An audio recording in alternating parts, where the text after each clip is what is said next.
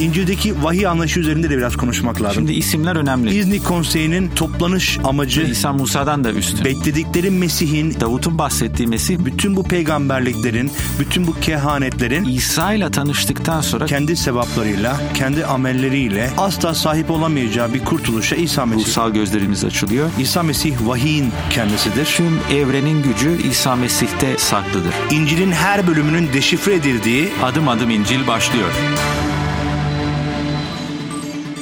Adım Adım İncil programında Radyo Maranata'dan bizi dinleyen tüm dinleyicilerimize ben Mark Madrigal. ben Emre Karali merhaba diyoruz.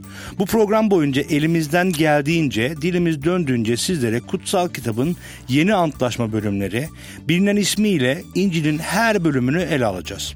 Açıklamaya, sıkça sorulan soruları yanıtlamaya çalışacağız. Soru ve görüşlerinizi sosyal medya hesaplarından et Radyo Maranata yazarak ya da www.radyomaranata.com web sitesinden mail yoluyla bize ulaşabilirsiniz diyoruz ve bugünkü programımıza başlıyoruz. Bugün İncil'in 2. Selanikliler mektubu üzerinde konuşacağız. Ee, önemli bir mektup.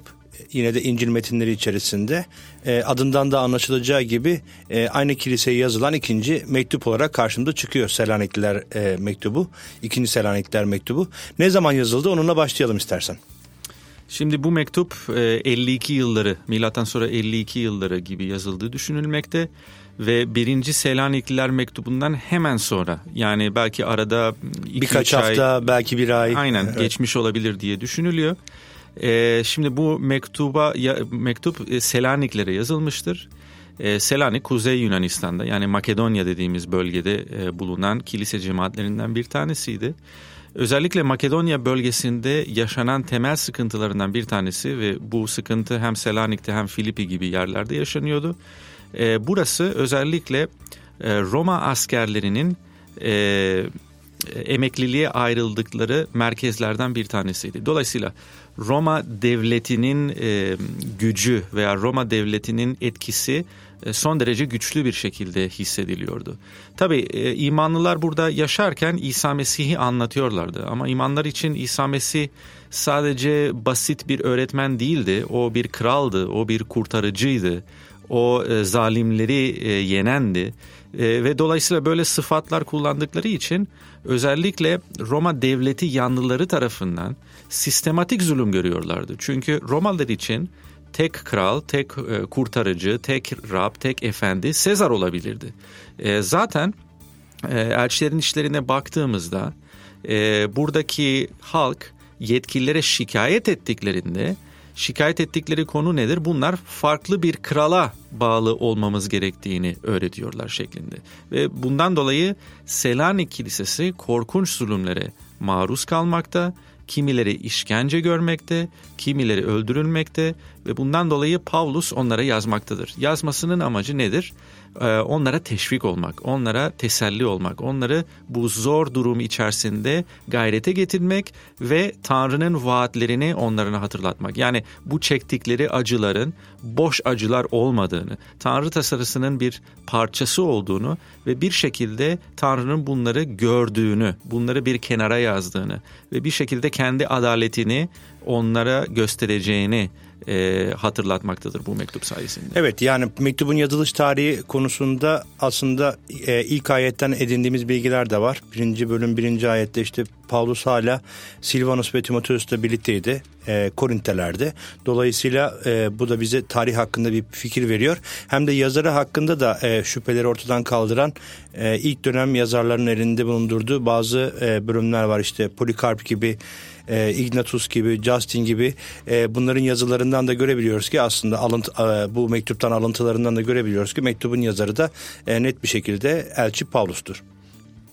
Şimdi e, yavaş yavaş biraz amacı ve içeriği üzerinde konuşmaya başlayacağız ama bir özetleyecek olursak bu mektubun e, amacı biraz önce senin girişte söylediğin gibi e, bana göre üç temel e, sebeple özetlenebilir. Bir tanesi e, biraz önce bahsettiğin imanlılar zulüm görüyordu. Zaten ilk mektubun amacı da e, bir şekilde oydu. Birinci Selanikler e, bölümünü dinleyen dinleyicilerimiz hatırlayacaklardı.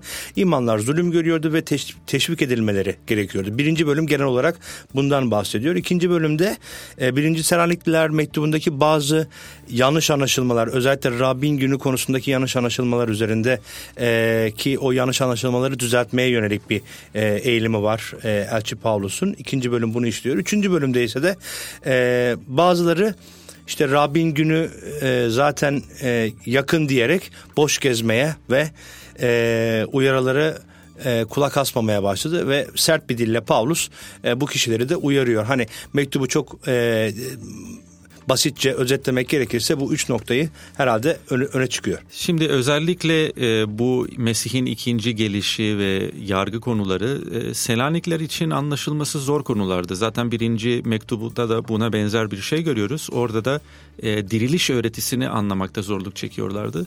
Neden? E, çünkü Greco-Romen dünya görüşüne göre bir kişi e, öldüğünde bir ruh olarak ahirete gider. Ama Hristiyanlıkta temel bir öğreti vardır. O öğreti nedir? Diriliş. Dirilişte e, biz öldükten sonra e, Mesih'in ikinci gelişinde tekrar beden alacağız ve e, bir nevi e, cennet dediğimiz yer yani Tanrı'nın varlığı dediğimiz yer dünyaya gelecek. Yani dünya da bir diriliş tecrübe edecek. E, hatta vahide e, bir görümde Yuhanna görüyor ki cennet veya göksel Yeruşalim Kudüs dünyaya inmektedir ve dünya yenilenmektedir. Evet. Dolayısıyla bu öğretiyi kavramak onlar için çok zor bir şeydi çünkü onların dünya görüşünde var olmayan bir şeydi. E, dolayısıyla ilk mektupta görüyoruz ki bunu anlamakta oldukça zorlandılar. E, ve şimdi ikinci mektupta özellikle hani Mesih İsa ne zaman gelecek? Bunun işaretleri nedir? Acaba Mesih İsa gelmiş midir? gibi e, sorular ele alınıyor. Çünkü onların kafası özellikle bu konularda e, çok karışmış. E, kimileri bu ikinci gelişi koz olarak kullanarak evet, sahte öğretiler sahte öğretiler yayıyorlar veya imanları korkutmaya çalışıyorlar ve bu da çok önemli. Yani e, Mesih'in ikinci gelişi haberi aslında insanları korkutmak için değildir. Ben bazen görüyorum ki e, çeşitli imanlar ve kiliseler bu e, ikinci geliş haberini yani bir nevi insanları korkutmak için koz olarak kullanmaktadırlar. Ama aslında ikinci geliş imanlı için teselli olmalıdır. Kimin için korkutucu olmalıdır? Mesih'e iman etmemiş kişiler için korkutucu olmalıdır. Çünkü bu neyi gösteriyor? Aynı zamanda yargı günü olacak Aynen, çünkü. Tanrı, Tanrı gelecek ve e, yargılayacak veya iki yüzlü bir hayat sürdürüyorsak o zaman o tarz kişiler için belki korkutucu olmalıdır ama Mesih imanlısı için e, İsa'nın ikinci gelisi bir teselli kaynağıdır ve bir nevi aslında Pavlus bunu e, aktarmak istiyor Selaniklilere. Özellikle bu korkunç zulüm dönemlerinde bunu hatırlatmak istiyor. Kendine. Hem de bu sahte öğretmenlere karşı da kiliseyi uyarıyor ikinci bölümde özellikle 1.15 ayetlerinde. Hem de e, insanlar bu sahte öğretiler yayarak Aynı zamanda bir bunu bir geçim kaynağı olarak da kullanıyorlardı. Dolayısıyla hem e, kilise üzerinde bir korku egemenliği yaratmaya çalışıyorlardı İsa'nın ikinci gelişi üzerinden. Hem de insanların e, aslında olmayan şeylere e, yönlendiriyorlardı ve Paulus bu konuda çok net bir şekilde ve sert bir şekilde e, kiliseyi uyarıyor e, ve kiliseye e, bu konuda e, çeki düzen vermeye davet ediyor.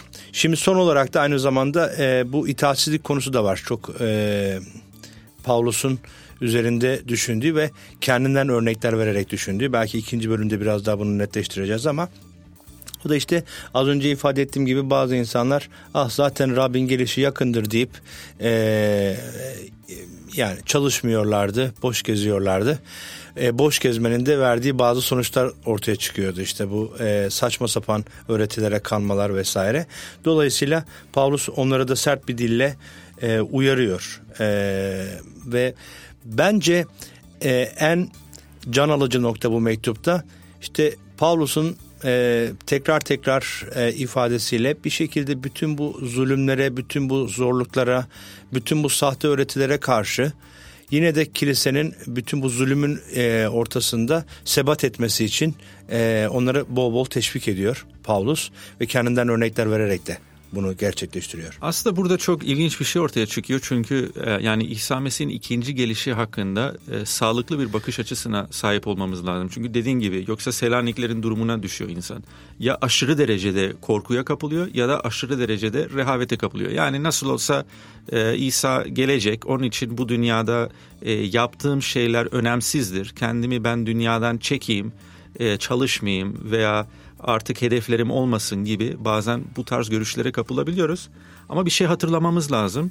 Tanrı'nın nihai planında bizi e, dünyadan çıkarmak değil, bizi tekrar dünyaya gönderecek. Yani e, bunu nasıl açıklayabilirim? Ben e, bir anneannemin e, söylediği bir şey aklıma geliyor. Kendisi e, 84 yaşlarında şimdi.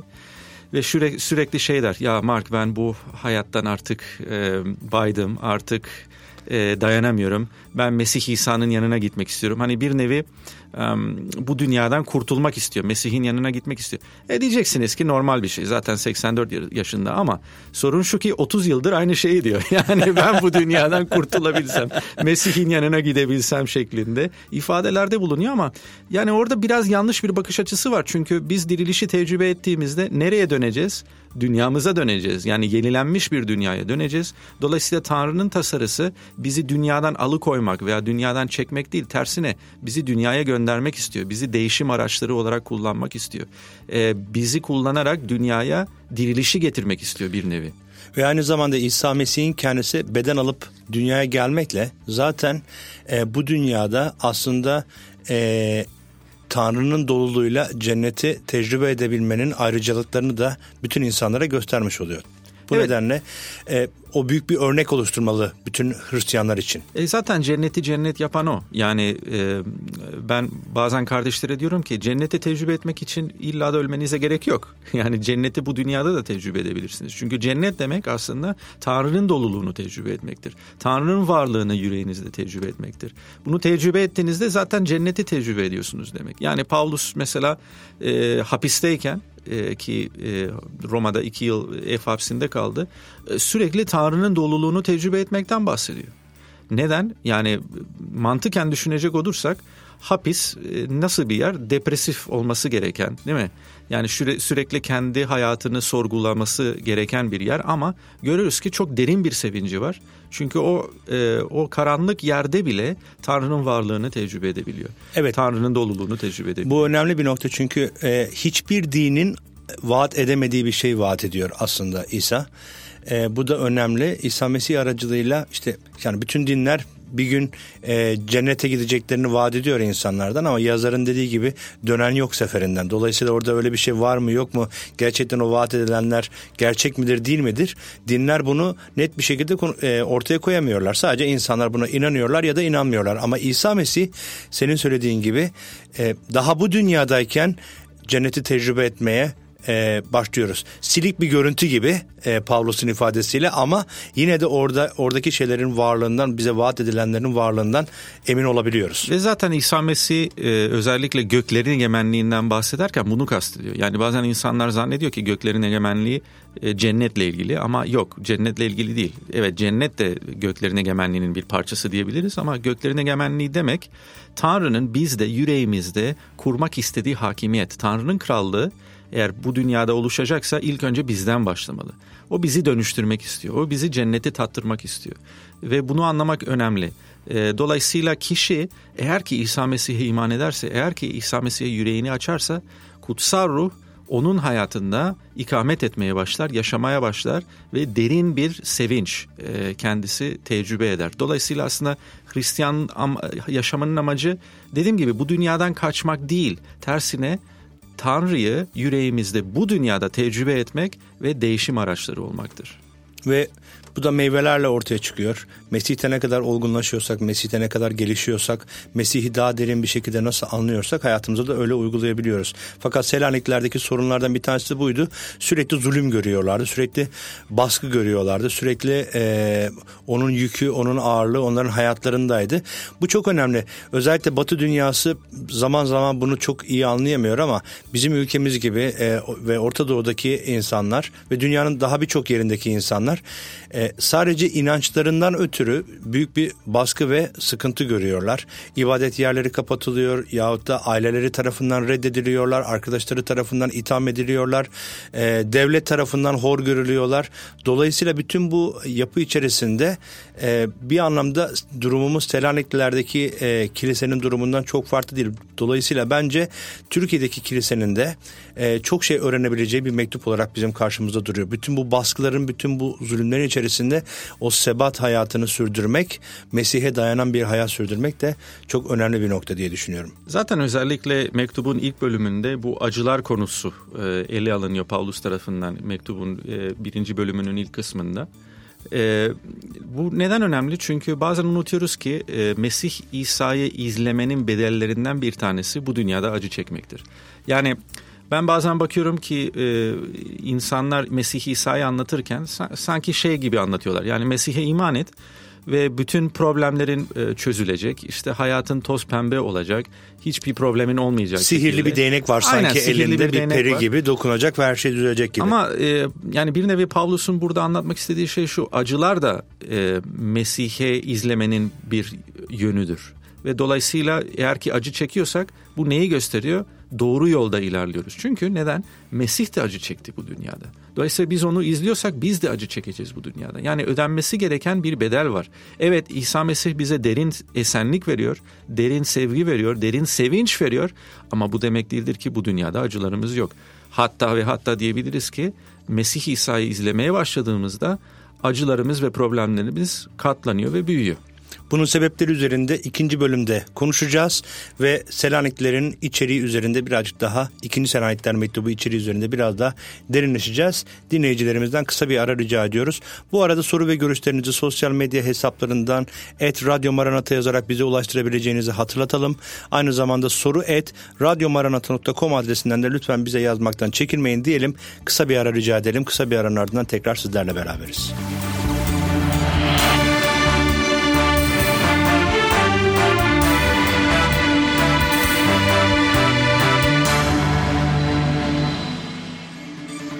Sevgili dinleyiciler kısa bir aranın ardından tekrar sizlerle beraberiz. Adım Adım İncil programı Radyo Maranata'da. Ve biz bugün ikinci Selanikliler mektubu üzerinde konuşuyoruz. İlk bölümde genel bir özet e, geçtik. Şimdi birazcık daha bu mektubu detaylandırmaya gayret edeceğiz. E, ilk bölümü neyle bitirmiştik? İşte imanların gördüğü sıkıntı ve zulümler. Zulüm ve sıkıntılar aslında imanların hayatının bir parçası olduğu üzerinde konuşuyordum Mark.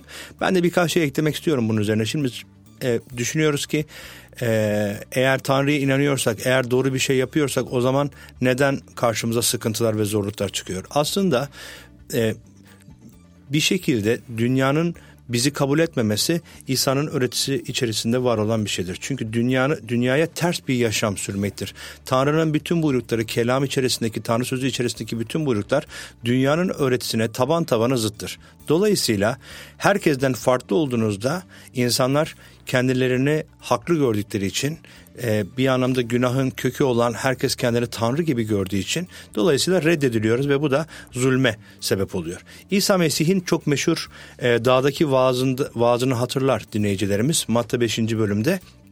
O dağdaki vaaz nasıl başlıyor? Ne mutlu diye başlayan bir seri var orada işte. Ne mutlu e, doğruluk e, doğruluğa acıkıp susayanlara çünkü onlar doğrulacaktır diyor. Ondan sonra diyor ki 5. E, bölüm 10. ayette ne mutlu doğruluk uğruna zulüm görenlere çünkü göklerin egemenliği onlarındır diyor İsa.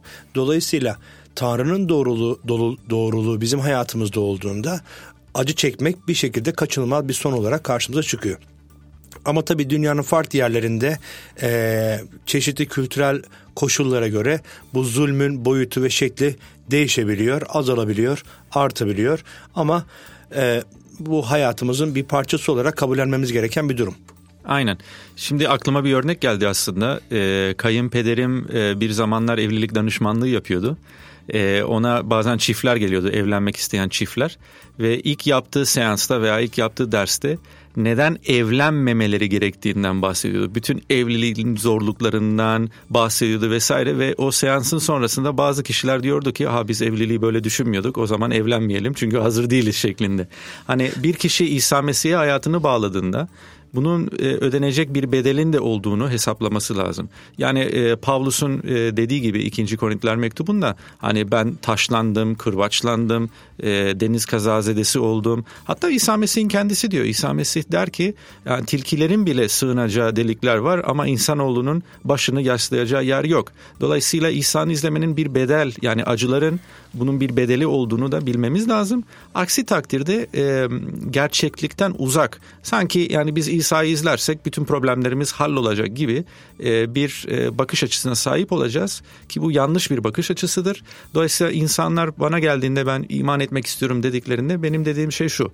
Yani bunu biraz düşün e, bunu biraz tart çünkü efendim yani arkadaşların seni terk edecek.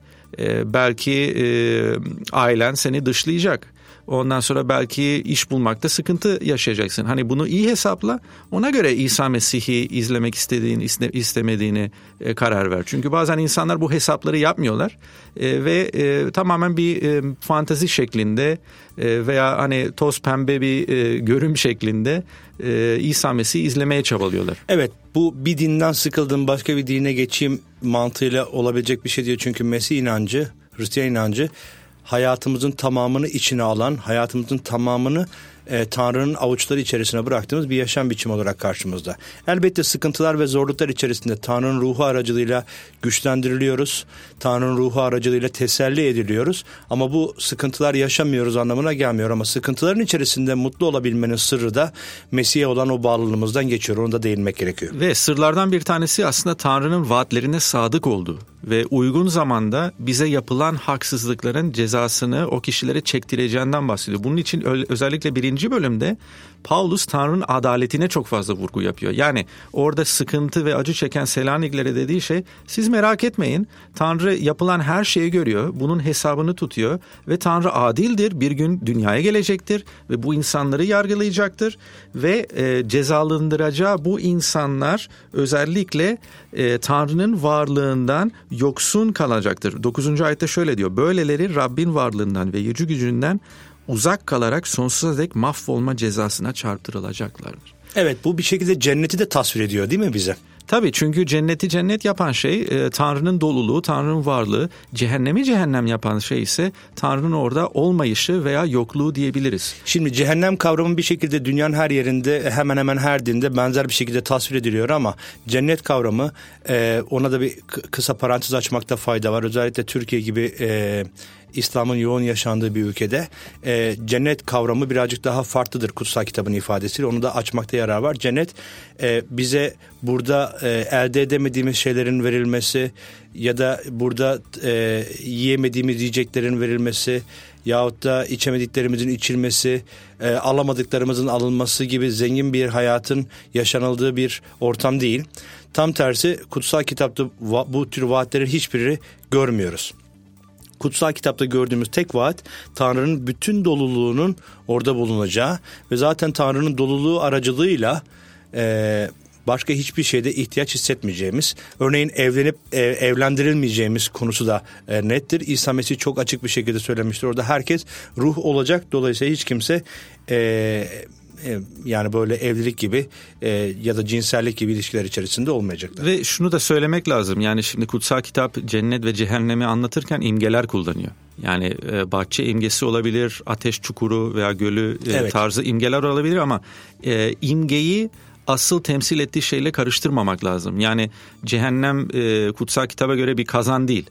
E, cehennem e, Tanrı'nın varlığından yoksun olmak. Yani Tanrı hayatsa, Tanrı sevgi ise o zaman Tanrı'nın hayatından, Tanrı'nın sevgisinden bir ebediyet boyunca yoksun kalmak. Ve burada şunun altını da çizmek lazım. Cehennem geçici bir yer de değil. Yani hop cezamı çektim oradan da cennete gittim evet, tarzı bir, bir öğreti yok. Geçiş söz konusu bir geçiş değil. söz konusu değil. Zaten mantıken imkansız. Neden? Çünkü biz Tanrı'nın huzuruna geldiğimizde bir zamansızlık var. Bu zamansızlığı neye benzetebiliriz? E, farz edin ki bir film izliyorsunuz. Sonra da pause düğmesine yani durdurma e, e, düğmesine basıyorsunuz. Orada e, donmuş halde oradaki ekran öyle kalıyor. O zaman biz zamansızlığa çıktığımızda yani Tanrı'nın karşısına çıktığımızda artık zaman diye bir şey yok. Artık nasılsak öyle kalacağız ebediyen. Dolayısıyla dolayısıyla e, buradaki alacağımız kararlar son derece önemli. Çünkü bunların yankısı ebediyette sürdürülecektir. Bu nedenle yeni çeviri e, yapılırken kutsal kitabın Türkçe çevirisi gerçekleştirirken orijinal Grekçe dilinden Türkçe'ye çevrilirken bu ifadeler hassasiyetle seçildi ve kutsal kitap içerisinde sık sık e, cennet ve cehennem kelimeleri yerine ne kullanılıyor? Sonsuz yaşam ve sonsuz ölüm kelimeleri kullanıyor. Çünkü e, sonsuzluklar boyunca orada olacağız e, cennet içinde, cehennem içinde. Elbette iman edenler için bu büyük bir teselli kaynağıdır. Çünkü sonsuzluk içerisinde bu dünyada yaşayacağımız kısacık e, ömrümüzün, o ömrü içerisinde geçireceğimiz, yaşayacağımız sıkıntıların, zulümlerin, zorlukların, baskıların karşı koymaların pek de bir önemi kalmıyor. Çünkü büyük bir zaman dilimi içerisinde hani bir zaman içerisinde sığdırmak istersek sonsuzluğun içerisinde bir zerre kadar bile yeri olmuyor e, demeliyiz. Şimdi aynı zamanda bu mektup içerisindeki ana e, noktalardan bir tanesi Paulus sık sık dua ediyor. O da çok önemli. E, bir büyüğüm şöyle söylemişti. E, dua etmeyen kilise e, ciğerleri alınmış insan gibi. Yani nefes alamaz. Dolayısıyla duanın gücüne de Paulus birçok yerde değiniyor. Birinci bölüm 11-12. ayetlerde Paulus imanlar için dua ediyor örneğin. İkinci bölümde 13-14. ayetlerde kurtuluş için şükrediyor Paulus. İmanların kurtuluşu için şükrediyor. Yine de ikinci bölüm 15-17 ayetlerinde Paulus imanların yüreklen, e, yüreklendiren bir dua ile karşımda çıkıyor ve üçüncü bölümde de e, son bölümde de karşılıklı olarak birbirimiz için dua etmemiz konusunda Paulus'un teşvik ettiğini görüyoruz. Dolayısıyla bütün bu sıkıntılardan, zulümlerden, baskılardan kurtulmanın yolu e, fiziksel bir karşı koyuştan ziyade e, ruhsal olarak duanın gücüne e, bel bağlamaktır diye e, kalın bir şekilde altını çiziyor Paulus. Zaten hani e, bu sıkıntılı durumlarda insana teşvik verecek diğer nokta yani biri Tanrı'nın vaatleri kendisinin güvenilir olduğunu hatırlamak ikincisi de dua. Yani çünkü dua bir nevi Tanrı'nın varlığını e, gerçek kılıyor hayatımızda. Yani dua etmedikçe Tanrı e, bir kavram olarak kalıyor ama dua ettiğimizde o zaman Tanrı'yı hayatımıza davet ediyoruz. Onun varlığını hayatımıza davet ediyoruz ve bu insanda zaten inanılmaz bir güç ve teselli kaynağı oluyor. O da çok önemli. Ve son olarak yine de üçüncü bölümün e, hani programımızın sonuna yaklaşırken oraya da değinmeden geçmeyelim. Birkaç kez konuştuk belki aslında. E, ama e, bir şey var galiba söylemek istediğin. Yani üçüncü bölüme geçmeden belki ikinci bölümün e, kısa bir şekilde özetlemek gerek. E, çünkü ikinci bölümde e, Mesih'in ikinci gelişiyle ilgili evet, evet, doğru. bazı önemli bahisler var. Özellikle bu yasa tanımayan adamın gelişi veya e, Türkçe'de bildiğimiz e, kelime deccal. Yani evet. Mesih karşıtının geleceği e, hakkındaki bahisler e, bu kişinin e, kendisini bir ilah veya tanrı ilan edeceği, tanrıya ait ibadetin kendisine verilmesi gerektiğini buyuracağı ve bu konu hakkında imanları e, uyarmakta. Bunlar ne zaman olacak diye tabii imanlılar soruyor. E, Paulus'un buna yanıtı ise e, şöyledir. E, özellikle ikinci bölümün 6. 7. ayetinde bunlar geçiyor.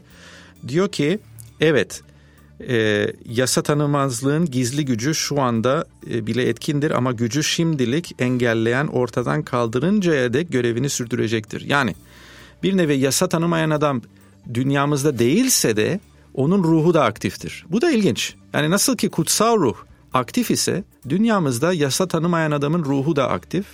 E, bu da nasıl kendisini yansıtıyor? E, mesela özellikle batıda artan ahlaksızlığı göz önüne bulundurursak. E, ben İspanya'dayken bir pastörle konuşuyordum. Ee, onun kızının gittiği okulda şimdi özellikle bu cinsiyet değiştirme konusu e, popüler oldu İspanya'da. Yani herkes kendi cinsiyetini seçsin şeklinde. Tabii böyle bir öğreti yok kutsal kitapta.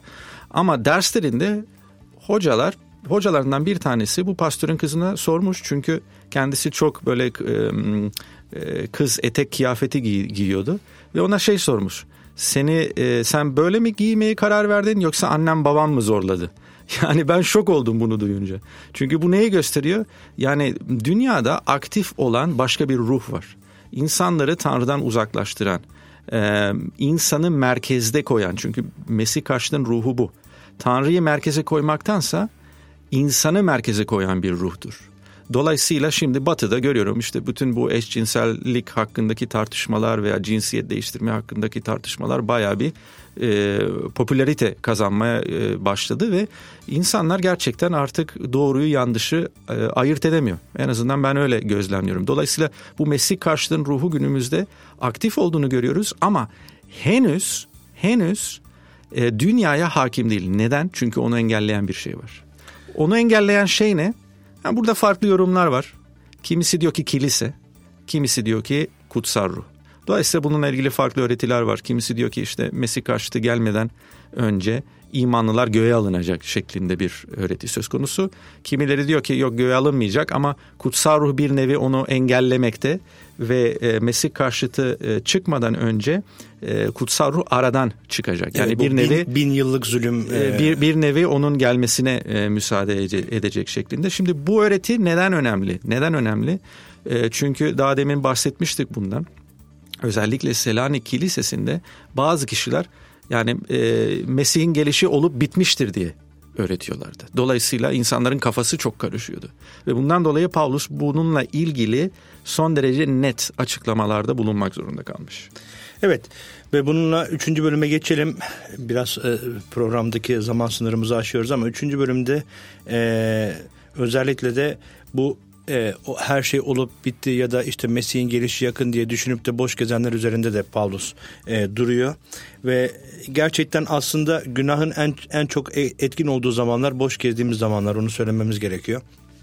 Kutsal kitabın öğretisi bu konuda açıktır. Herkesin elinin emeğiyle çalışıp e, gayretle e, kendi ihtiyaçlarını karşılaması ve aynı zamanda da e, bütün bu dünyanın içerisinde o kusursuz kuzuya kendini adaması öğretisi e, çok at- e, etkindir. Kutsal kitabın eski antlaşma kısmına da bakarsanız, yeni antlaşma bölümüne de bakarsanız kilise içerisinde huzursuzluk yaratan, sıkıntı yaratan yahut da kendi hayatlarında günaha teslim olan insanların çok büyük bir kısmı bunu e, boş gezdiği zamanlarda gerçekleştiriyor. İşte Davut örneği var örneğin e, zina etmeden önce bütün kralların savaşa gittiği dönemde e, o kendisi gitmedi. Dolayısıyla sonunda zina onun hayatında etkin oldu. Bunun gibi e, boş gezmek yerine Paulus elin emeğiyle herkesi çalışmaya teşvik ediyor. Kendisine de buna örnek gösteriyor. Ve olay sadece hani boş gezmek evet bizi e, olumsuz yönde etkiliyor. Bu kaçınılmaz ve doğru ama bir şey daha var. E, o da kilisenin tanıklığını etkiliyor. Çünkü o zaman dışarıdan bakanlar herhalde Selanik Kilisesi'ne baktıklarında bu boş gezenleri gördüklerinde şey diyordu. A bu ne kadar tembel insanlar. Hiç e, toplumumuzun sorunlarıyla ilgilenmiyorlar. Sadece kendilerini düşünüyorlar. Sadece çıkar peşindeler. Sadece para peşindeler. Bu da herhalde ben düşünüyorum ki e, Selanik toplumundaki bazı çevreler tarafından eleştiriliyordu ve kiliseye leke bırakıyordu. Dolayısıyla e, bu konu da önemli. Yani e, kiliseye leke bırakmayacak şekilde bir yaşam sürdürmemiz lazım. E, bir yaşam, saf bir yaşam sürdürmemiz lazım ama aynı zamanda disiplinli bir yaşam sürdürmemiz lazım ve çalışma ahlakımız çok önemli. Çünkü aslında en etkin e, tanıklıklardan bir tanesi çalışma ahlakımızdır. Yani başka bir yerde e, Pavlus diyor ki e, kölelere ve efendilere kölelere der ki Rabbe çalışır gibi çalışın. Yani patronunuzu boş verin. Siz Rabbe çalışıyorsunuz. Çalışmanızla, çalışma ahlakınızla bir tanıklık bırakıyorsunuz. Dolayısıyla insanlar size baktığında neyi görüyor? İsa Mesih'i mi görüyor? Yoksa sadece kendi çıkarını düşünen tembel birey mi görüyor?